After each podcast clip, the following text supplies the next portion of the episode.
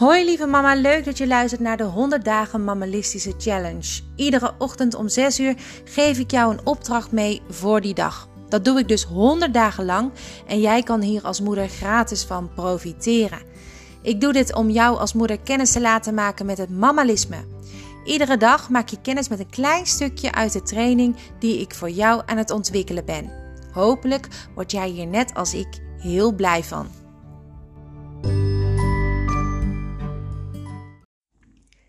Goedemorgen lieve mama, het is weer 6 uur en dat betekent een nieuwe aflevering waarin ik jou een opdracht meegeef. Een nieuwe opdracht, eigenlijk is dit niet eens een aflevering te noemen.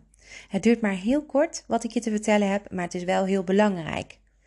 Elke dag een wandeling maken in de natuur of in, in ieder geval de buitenlucht zorgt voor het gelukshormoon, omdat je dan daglicht beter opvangt.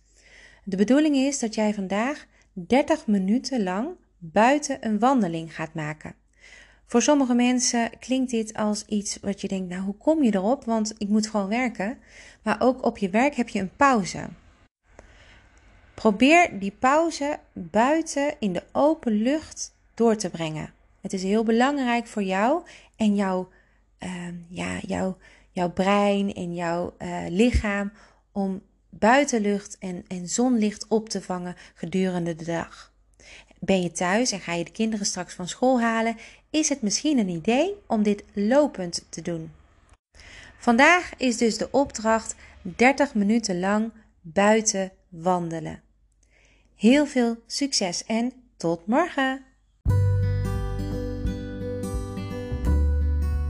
Succes vandaag met deze opdracht. Morgen om 6 uur ben ik er weer. Tot dan!